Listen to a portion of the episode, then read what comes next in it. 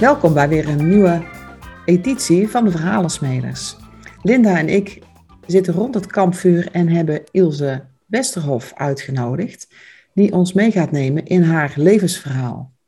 Nou, Ilse die schrijft blogs en gedichten over uh, ervaringen, over haar ervaringen, maar ook van haar cliënten, die te maken hebben met destructieve relaties, complexe scheidingen, ouderverstoting en narcisme. Nou, dat is een hele mond. Maar ehm, daarnaast doet Ilse niet alleen het schrijven, maar zet ze zich ook in op diverse manieren voor diverse slachtoffers van uh, uh, psychische en emotionele mishandeling. Ze heeft een steunmaatjesgroep en ze werkt samen met ervaringsdeskundigen, professionals en organisaties, waarbij je kunt denken aan het Nederlands Jeugdinstituut, de Stichting Het Vervenen Zelf en het Suïcide Preventiecentrum. Een mond vol. Dus ik ben heel benieuwd naar, uh, naar jouw verhaal. Dank je wel uh, dat je aanwezig bent in de, de studio, Ilse. En uh, ik hoor heel graag van je, uh, waar heeft je wiegje gestaan? Dankjewel voor de uitnodiging, Lia en Linda. Um, mijn wiegje heeft gestaan in, ja, in Maasluis oorspronkelijk. Um, en ik ben grotendeels opgegroeid in Vlaardingen. Ja. Okay. En, uh, en waar, hoe was je gezin? Was je de eerste, de enige? Um, nou, van mijn ouders uh, in die samenstelling was ik de, eerste, de oudste. Ik heb nog een jongere broer, er zit anderhalf jaar tussen. Uh, mijn vader heeft nog wel uit zijn vorige huwelijk een dochter, dus ik heb ook nog een, een halfzus. En, um, en ik heb nog twee stiefbroers en een stiefzus, want mijn moeder is uiteindelijk weer hertrouwd geweest. Ja. ja dat, is een, dat is een hele complexe situatie met uh, zoveel, ja. uh, zoveel broers en zussen. Ja. Maar, um, wat, wat betekende jouw jeugd? Hoe ben je opgegroeid? Was het een redelijk onbezonnen jeugd? Um... Mm, niet echt. Nee, het is eigenlijk wel een groot deel van mijn jeugd heb ik als onveilig uh, ervaren. Um, ja, door de dynamiek uh, thuis, in het gezin, um, maar ook onder invloed van de Rooms-Katholieke Kerk, in ieder geval de manier waarop het geloof bij ons thuis werd beleden, beleefd. Um, ja, was nogal, uh, bracht nogal veel spanningen met zich mee. Wil je daar iets over en, vertellen? In welk opzicht dat jou um, beïnvloed heeft? Nou, um, het geloof bijvoorbeeld, ja, moet je bijvoorbeeld voorstellen dat ik als klein meisje um, voelde ik me al heel erg schuldig over het, uh, dat Jezus voor mij had uh, geleden en aan het kruis was gestorven.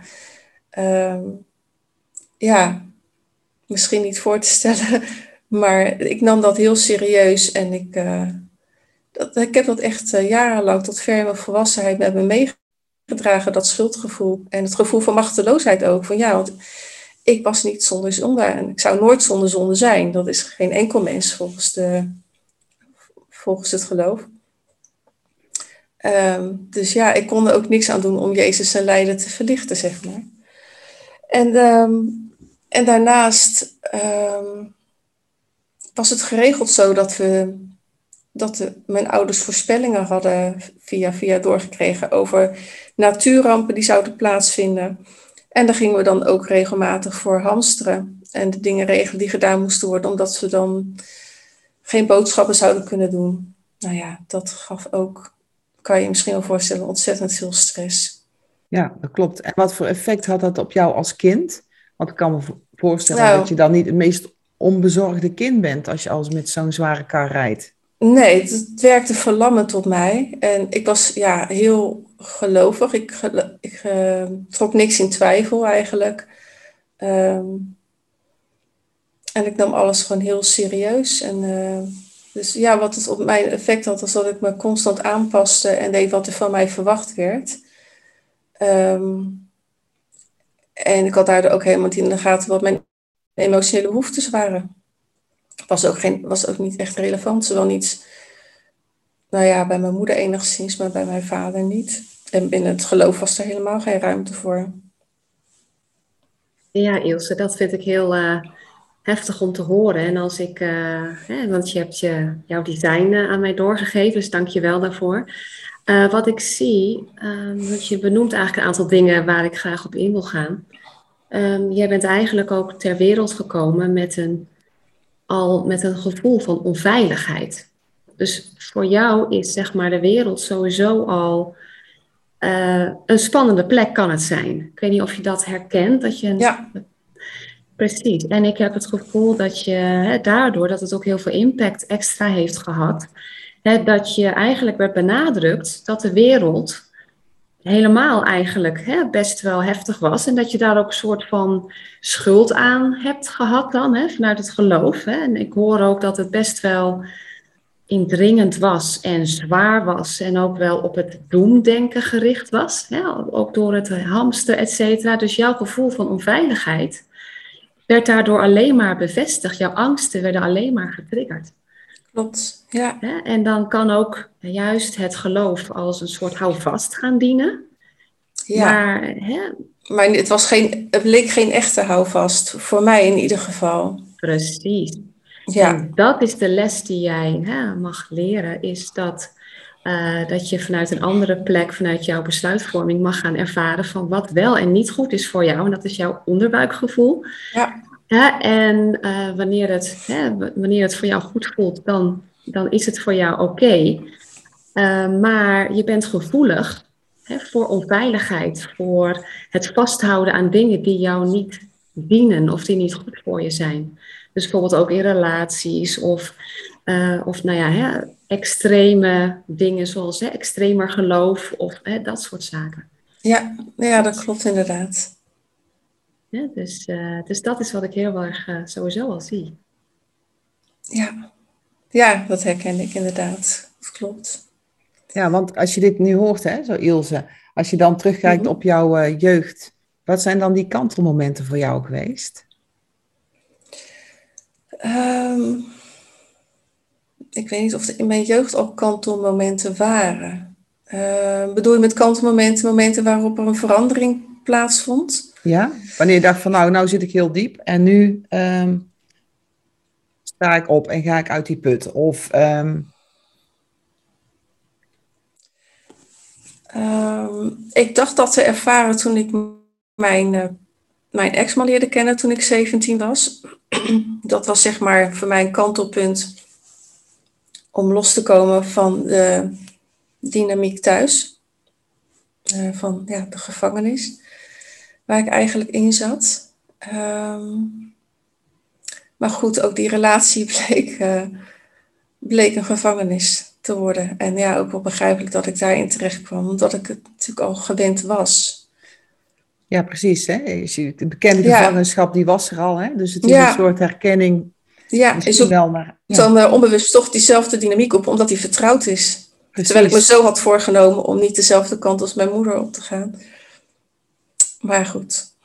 Ja, klopt. Ja. En, want dat is je definitie van liefde als kind. Hè? Wat is de definitie van liefde die jij had? Kun, jij dat, kun je dat bedenken nu of, of voelen? Wat, wat was voor jou liefde toen? Mezelf opzij te zetten voor een ander. Oké. Okay. Dus heel dienstbaar zijn. Ja, ja. En ik begreep het ook niet als een ander geen rekening hield met mij of een ander. Um, ja, is heel dienstbaar inderdaad. Ja. Ja, want ik zie ook dat je gevoelig bent voor de emoties van anderen. Minder makkelijk in contact staat met je eigen emoties. Dus je eigen gevoelens, je eigen behoeften. In combinatie met die eigenlijk onveiligheid die je dan ook al ervaart, is het, kan het een mix veroorzaken dat je jezelf gaat wegcijferen. En je ten dienste gaat stellen van wat dan ook om je veilig te voelen, om een bepaalde houvast te hebben, om nou ja, dan een bepaalde ja, manier van leven te, te omarmen. En dat is ja, waar je gevoelig voor bent en waar dus ook de, de meeste conditionering plaatsvindt. Plus dat ik ook zie dat um, uh, jouw functie van inspiratie helemaal open is. Dus dat je heel erg ook beïnvloed wordt door de chaos, de twijfel, de verwarring die er ook is. Een bepaalde mentale druk van buitenaf. Ja, dus ik kan me heel goed voorstellen dat bijvoorbeeld een preek of bepaalde dingen die worden gezegd tegen je, dat komt, uh, dat komt binnen. En dat je dan ook je eigen focus van het leven kunt verliezen. Dus ik weet niet of je dat uh, herkent of hoe dat voelt als ik dat tegen je zeg. Ja, ik vind dat echt heel bijzonder dat je dat uh, eruit kunt halen uit mijn design. Ja, mm nee, dat klopt helemaal. Ja. Ja, ja. ja. En ik ben ook heel benieuwd, want wat, wat mij triggerde, en dat vroeg eigenlijk Leer net ook al een beetje, van, want ik zie namelijk dat jij een heel sterk gevoel hebt voor je eigen richting. Wanneer ben jij in jouw eigen leven jouw richting gaan zien? Je eigenheid, je individualiteit, jouw, waar, jij naartoe wilde? Um, nou, dat, ik denk dat het moment dat mijn dochter werd geboren en daarna uh, dat dat wel voor een verandering heeft gezorgd. Want dan word je heel erg ja, bewust van wat je haar mee wil geven. Dus, dus ook waar je zelf voor staat.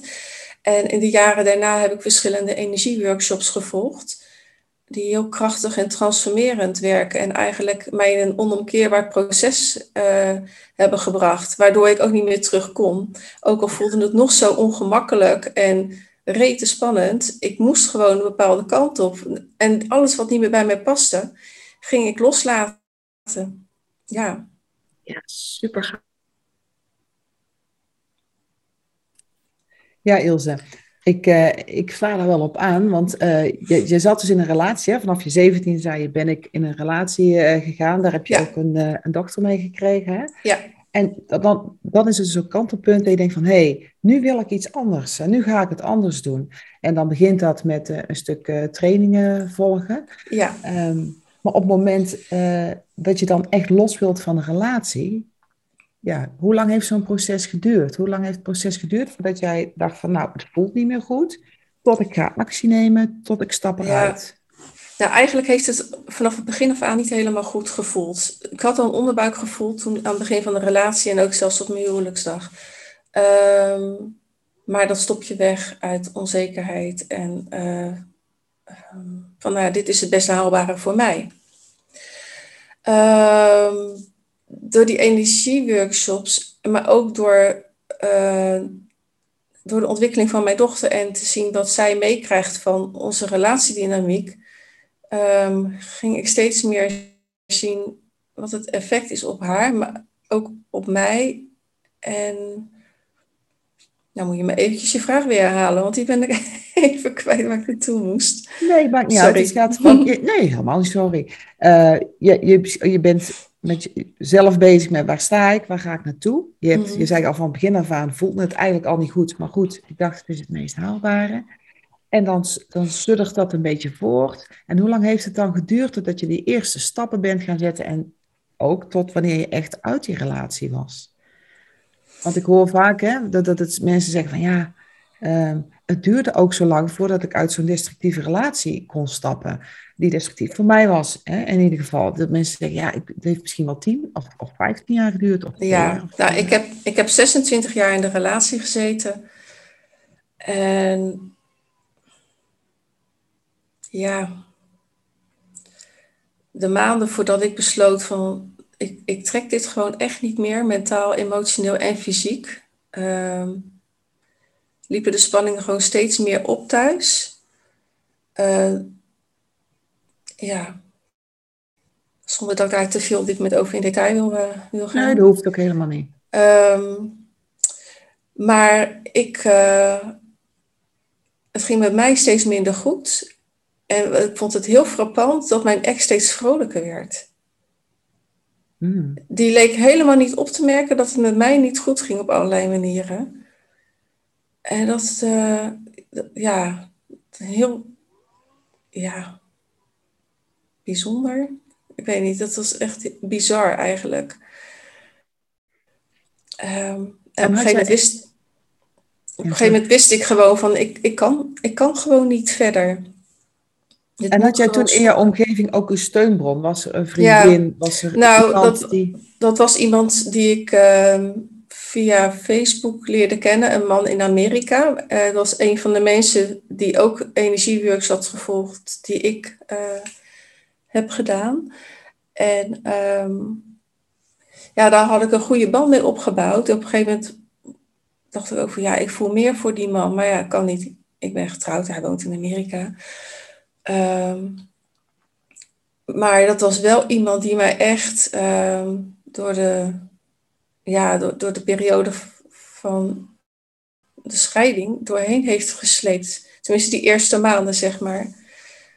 Ehm, en verder, ja, eigenlijk niemand in mijn omgeving. Want ik ben pas na de scheiding gaan vertellen aan mensen hoe ik mijn relatie heb ervaren en wat ik daarin heb meegemaakt. En merk dat mensen daar gewoon ongelooflijk vinden. Ze vinden het heel moeilijk om te geloven en zeggen vooral, ja, maar ja, wij, hè, als wij twee vechten hebben, twee schuld. Ja, dat uh, kon ik. Ja, heftig. Klinkt heftig, maar ik ben heel benieuwd hoe je je voelde nadat de relatie was beëindigd. Want ja, het is je ex, ex-partner. Ging je toen andere dingen bij jezelf opmerken? Voordat de relatie werd beëindigd? Ja, nou eigenlijk toen, uh, toen die beëindigd was. Dat je bij jezelf bepaalde dingen opmerkte die je misschien helemaal niet van jezelf wist. Nou, um, die ik niet van mezelf wist. Ten eerste ervaarde ik een enorm gevoel van vrijheid. Dat, uh, dat is het eerste wat in me opkomt. En wat ik niet van mezelf wist, ja, dat ik, dat ik veel sterker ben dan dat ik ooit had verwacht. Ik dacht, dit, dit, daar was ik ook heel lang bij gebleven. Ik dacht, ik red het niet in mijn eentje. Maar ja, daar kan ik me nog over verbazen. Maar zeker die eerste paar jaar daarna, van wauw, ik kan ja, veel meer aan. Terwijl die scheiding, het bleek een complexe scheiding te worden en duurde nog jaren voor. Dus het was mhm. echt wel pittig. Maar ook dat ik ehm, veel meer kan dan dat ik dacht. Me werd uh, heel, veel, heel vaak verteld van, jij kan de financiën niet doen, je kan de belastingaangifte niet doen, dat ben je niet slim genoeg voor. Jij kan niet een studie doen naast je werk. Ja. Ja. Uh, ben geen goede moeder. Uh, ja. Ja. Ja, dus ja. Ja. Nou ik ben erachter gekomen, vooral achtergekomen dat heel veel dingen mij waren aangepraat, maar dat het niet waar is. En dat ik, en, en dat, ik dat heel lang zelf geloofd heb. Hè. Mezelf ook uh, overtuigingen heb uh, opgelegd in al die jaren, ook vanaf mijn jeugd die niet kloppend zijn over mezelf. Dus, Precies. Ja. Want dat is wat ik heel erg zie, namelijk terugkomen. Daarom stel ik deze vraag ook. Um, je bent ontzettend krachtig. Jij hebt een hele mooie, sterke, nou eigenlijk wel, al jouw kernkwaliteiten zijn uh, heel individueel. Heel erg dat je gericht op empowerment, dat jij heel goed weet welke richting je op wilt is wel onbewust. Dus ja, daarom ben ik mhm. benieuwd van, goh, is dat inmiddels wat bewuster? Heel goed weet welke kant je op wilt. Mhm. Heel charismatisch bent, heel snel, heel veel energie hebt die je ook voor jezelf kunt gebruiken en die je heel snel om kunt zetten in woorden en acties. Dus nou, over powerhouse gesproken, dan uh, dat ben je echt. En ik zie ook dat je hele mooie, unieke inzichten hebt die je kunt overdragen op anderen. Jij bent heel krachtig. En dan zie je dus de conditionering, hè, de, de openheid in jouw design. Um, dat, uh, hè, want wat ik net al benoemde, hè, dat je gevoelig bent voor emoties van anderen, hè, voor de, de veiligheid die anderen bieden, ook voor de stress en druk van anderen. Dus je kan ook heel makkelijk onder druk worden gezet. Ja. De meningen, de antwoorden van anderen, hè, de, de chaos, de twijfel, verwarring over je leven. Maar ik zie ook dat je, een, uh, dat je geen vast gevoel van eigenwaarde hebt. En die is ook vaak heel heftig. Hè? Wat ik ook heel erg hoor van ik ben niet dit en ik moet me bewijzen. Dus ik ga maar heel hard werken om te laten zien dat ik een goede dochter ben. Of een hmm. goede moeder ben of een goede partner ben. En daardoor jezelf dienend maken. Maar er zit zo'n power in jou. En daarom ben ik zo blij te horen dat, dat, dus, dat je dat dus nu voelt en ervaart. Ja. Jij hebt niemand nodig. Jij hebt alles in huis om je eigen pad te lopen. Wauw. Dus mooi. dat is, ja. Dat wil ik je wel echt even heel duidelijk meegeven. Wat mooi, dat raakt me echt, wat je zegt. En, en dat voelt ook echt als waar. Weet je? Het is niet zo van, oh wat, wat leuk zo'n compliment. Nee, het klopt ook. Dat voel ik ook en dat weet ik ook. Ja. Maar wel fijn om te horen. Ja, ik wilde net vragen, wat doet het met je? Maar uh, je geeft ja. hem zelf al, uh, al uh, als een voorschot. Ja, want je hebt dus best wel wat meegemaakt. We gaan echt niet op de, de, diepe verhalen in, maar het is des, destructieve relaties, zal ik maar zeggen, zijn jou niet onbekend. En je bent eruit gestapt. Maar toen kwam er ook een moment waarop wij elkaar tegenkwamen. Mhm. via Facebook zag ik dat je een Facebook-pagina had over steunmaatjes. En ik zei, nou, als ik iets kan betekenen, kunnen we eens kijken of ik, of ik iets kan bijdragen. En mm. zo zijn we in contact gekomen. Dus wil jij iets, kun je iets vertellen van hoe jij die destructieve relaties die jij beleefd hebt, hoe je bent gaan denken of hoe je om bent gezet, ik wil iets voor anderen betekenen. En wat wil je dan betekenen voor die ander? Ja, nou, het kwam eigenlijk omdat ik zelf ervaarde dat vanuit mijn omgeving, maar ook vanuit hulpverlening, um, zoveel onbegrip stuitte. Uh, terwijl je zo'n behoefte hebt aan erkenning, en aan herkenning. Dus herkenning hè, van, van mensen die weten hoe het is, dus wat je hebt meegemaakt. Ehm, en ja, van daaruit ben ik eigenlijk, had ik me aangemeld bij een buddy uh, groep op Facebook. En um, ja, toen samen met iemand anders uh, onze eigen steunmaatje groep opgezet om mensen één op één aan elkaar te koppelen. Um, dus iemand die een behoefte heeft aan een steunmaatje te koppelen aan een ervaringsdeskundig steunmaatje. En diegene ook te screenen vooraf. Um, en vanuit de hulp die ik op een gegeven moment vond van een psychosociaal therapeut die ervaringsdeskundig is op vlak van narcisme. Ja, daar heb ik gewoon zoveel steun aan gehad, jarenlang. Uh, in contact voor, voor mezelf, voor, voor inzichten, maar ook uh, in hoe om te gaan met mijn ex en het gedrag van mijn dochter die onder invloed stond van haar vader. dat was voor mij ook reden om op een gegeven moment een opleiding te gaan volgen. Dat was echt een soort van, ja, ik wist gewoon, dit, dit, dit is wat ik wil. Dit is mijn passie. Er is zoveel behoefte aan mensen die uh, met deze dynamiek te maken hebben. Aan aan, dat mensen echt begrijpen wat het met je doet, wat de impact is. Maar ook weten wat de dynamiek is. Dus dat je niet te horen krijgt dat het ongelooflijk is wat je vertelt. Nee, of dat het, mensen zich niet kunnen voorstellen dat iemand zo slecht gedrag kan vertonen. Ja, dat kan. Ja, en dat is ook, hè, want je had ook bij de, de steunmaatjes had je ook een, uh, een, groep mensen eromheen die eventueel juridisch konden uh, bijsteunen, bijdragen, hè, of Klopt. mensen konden begeleiden.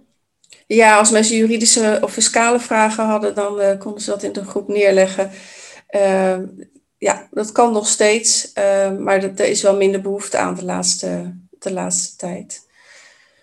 Ja, ja, het is ook de kunst om een advocaat te vinden als je in een complexe scheiding zit die, uh, die het doorheeft wat je ex-partner uh, probeert te doen en daar op een goede manier weet op te acteren.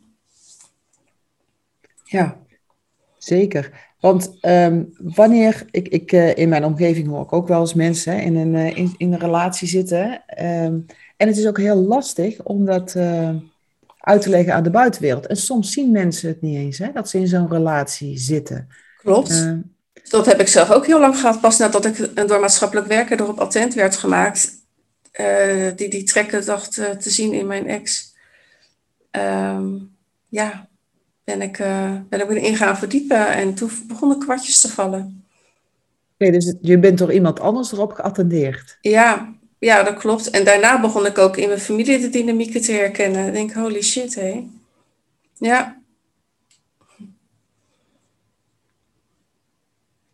Um, ja, want daar wil ik nog even op inhaken. Want wat je aangeeft, dat vind ik eigenlijk heel mooi.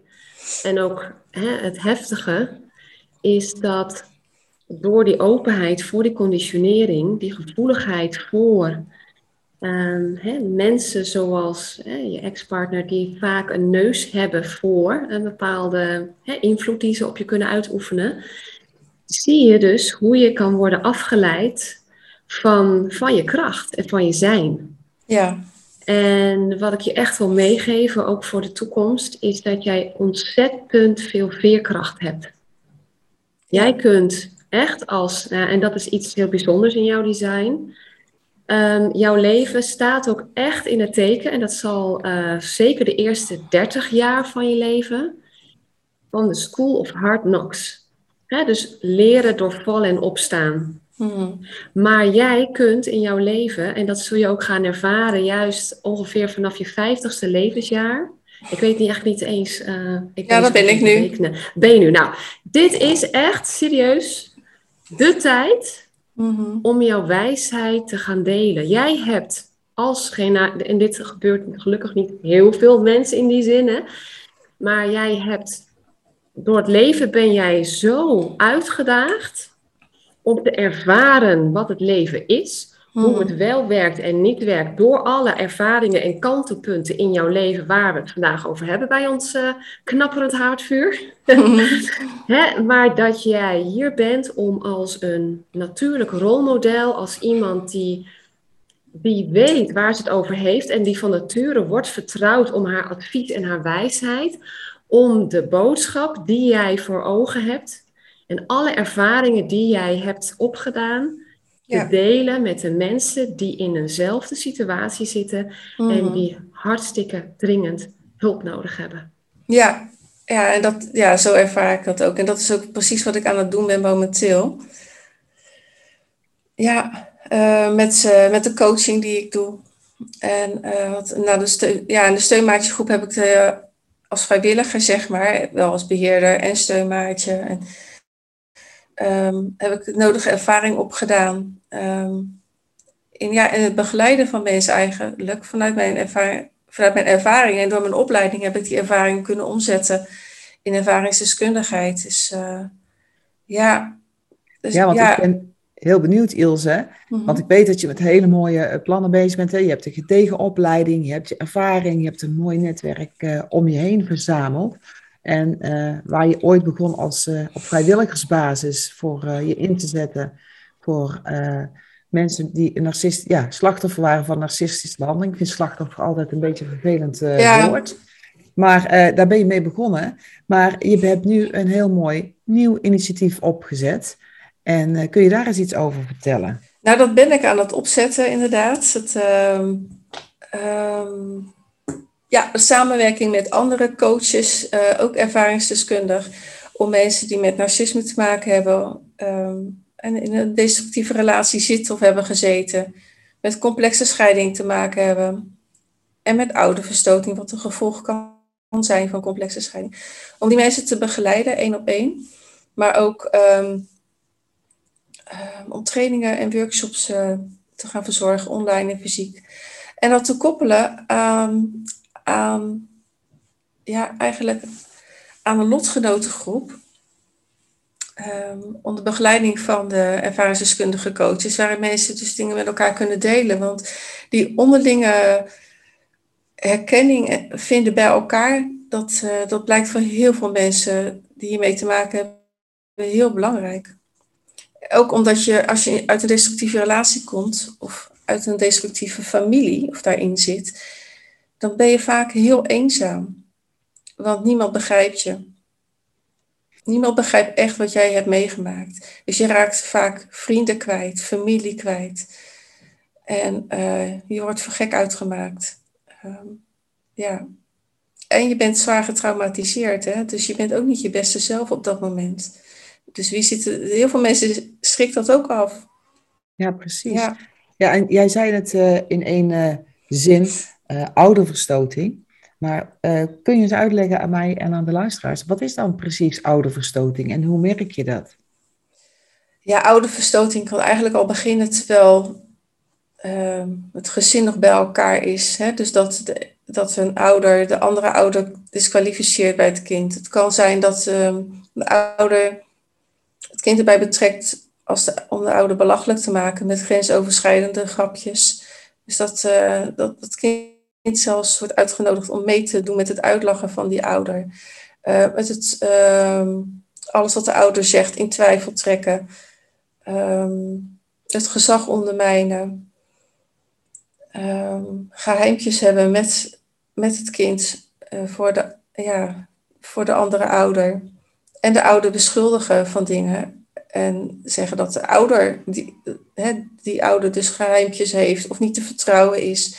En dat we, dus dat begint, eh, die zaadjes worden, kunnen al worden geplant tijdens de, uh, um, als het gezin nog bij elkaar is. En na de breuk wordt dat vaak veel erger. En dan kan het dus toe leiden dat de dat uh, het contact tussen kind en ouder helemaal verbroken wordt. En kinderen die kiezen vaak voor de destructieve ouder om bij te wonen of daar contact mee te houden, omdat die zo krachtig en zelfverzekerd overkomt.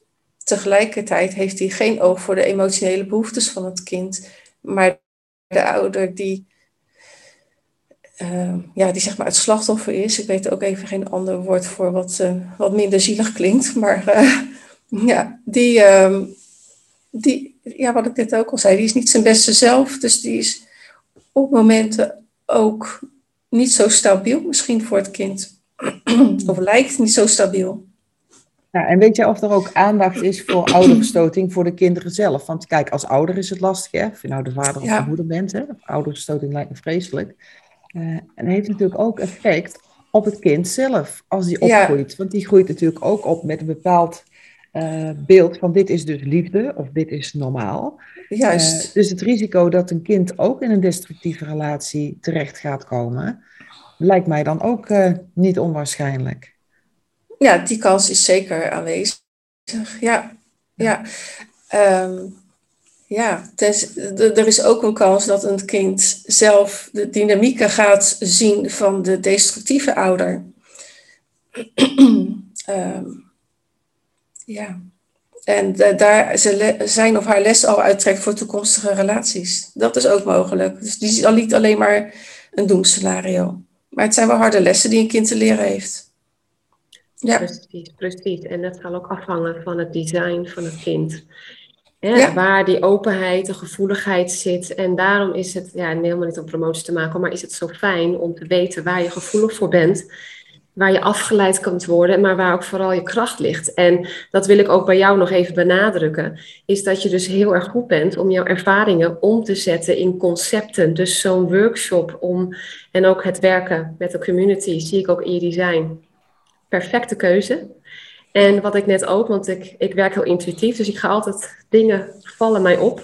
Wat ik je echt ook nog mee wil, wil geven, is dat jij rond jouw veertigste heb jij een soort oversteek gemaakt naar revolution, naar principes. Mhm. En wat ik je wil meegeven waar je op kunt vertrouwen in jouw toekomstige richting, daar loop je nu op, dat pad loop je nu op. Ga ik even in het Engels, want ik vind het een hele mooie zin. The sensitivity and potential to embrace and transform others. Wow. Dus laat die, neem die mee En ga die kracht voeden, want jij bent een inspirerend rolmodel voor anderen. Hè, een ervaringsdeskundige die de revolutie gaat brengen om mensen uit die relaties te halen en om ze anders te gaan laten kijken. Dus voel dat heel erg goed. Dat wil ik je echt meegeven. Ja, dat voel ik inderdaad heel krachtig al. En dat is ook wat ik aan het doen ben. Ja. Goed zo. Maar ga daarin voel daarin ook dat je hebt alles, alles in jouw design, support jou daarin. Ja.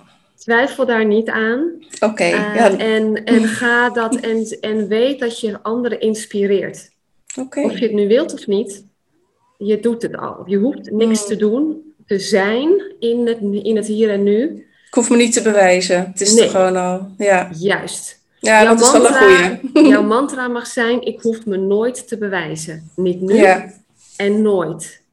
Ik ben goed zoals ik ben. Ik heb alles in huis om mijn boodschap, mijn missie, jouw passie aan anderen over te brengen en hen te behoeden voor hetzelfde wat jij hebt doorleefd.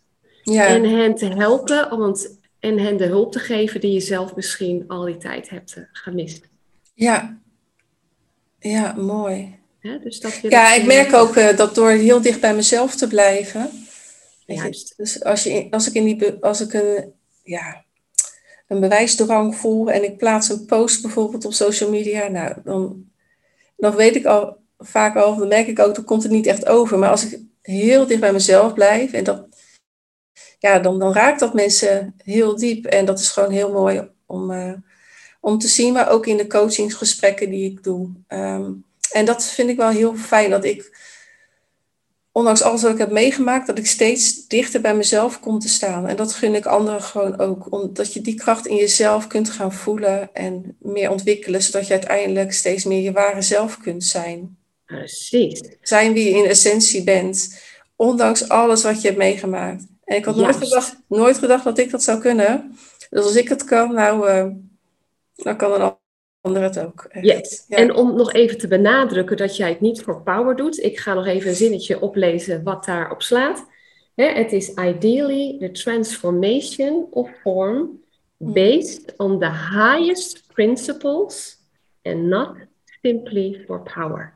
Dus jij zult nooit dit doen voor macht of voor wat dan ook, maar jouw pad is revolutie brengen gebaseerd op hoge principes, dat iedereen het recht heeft mm te zijn wie die is.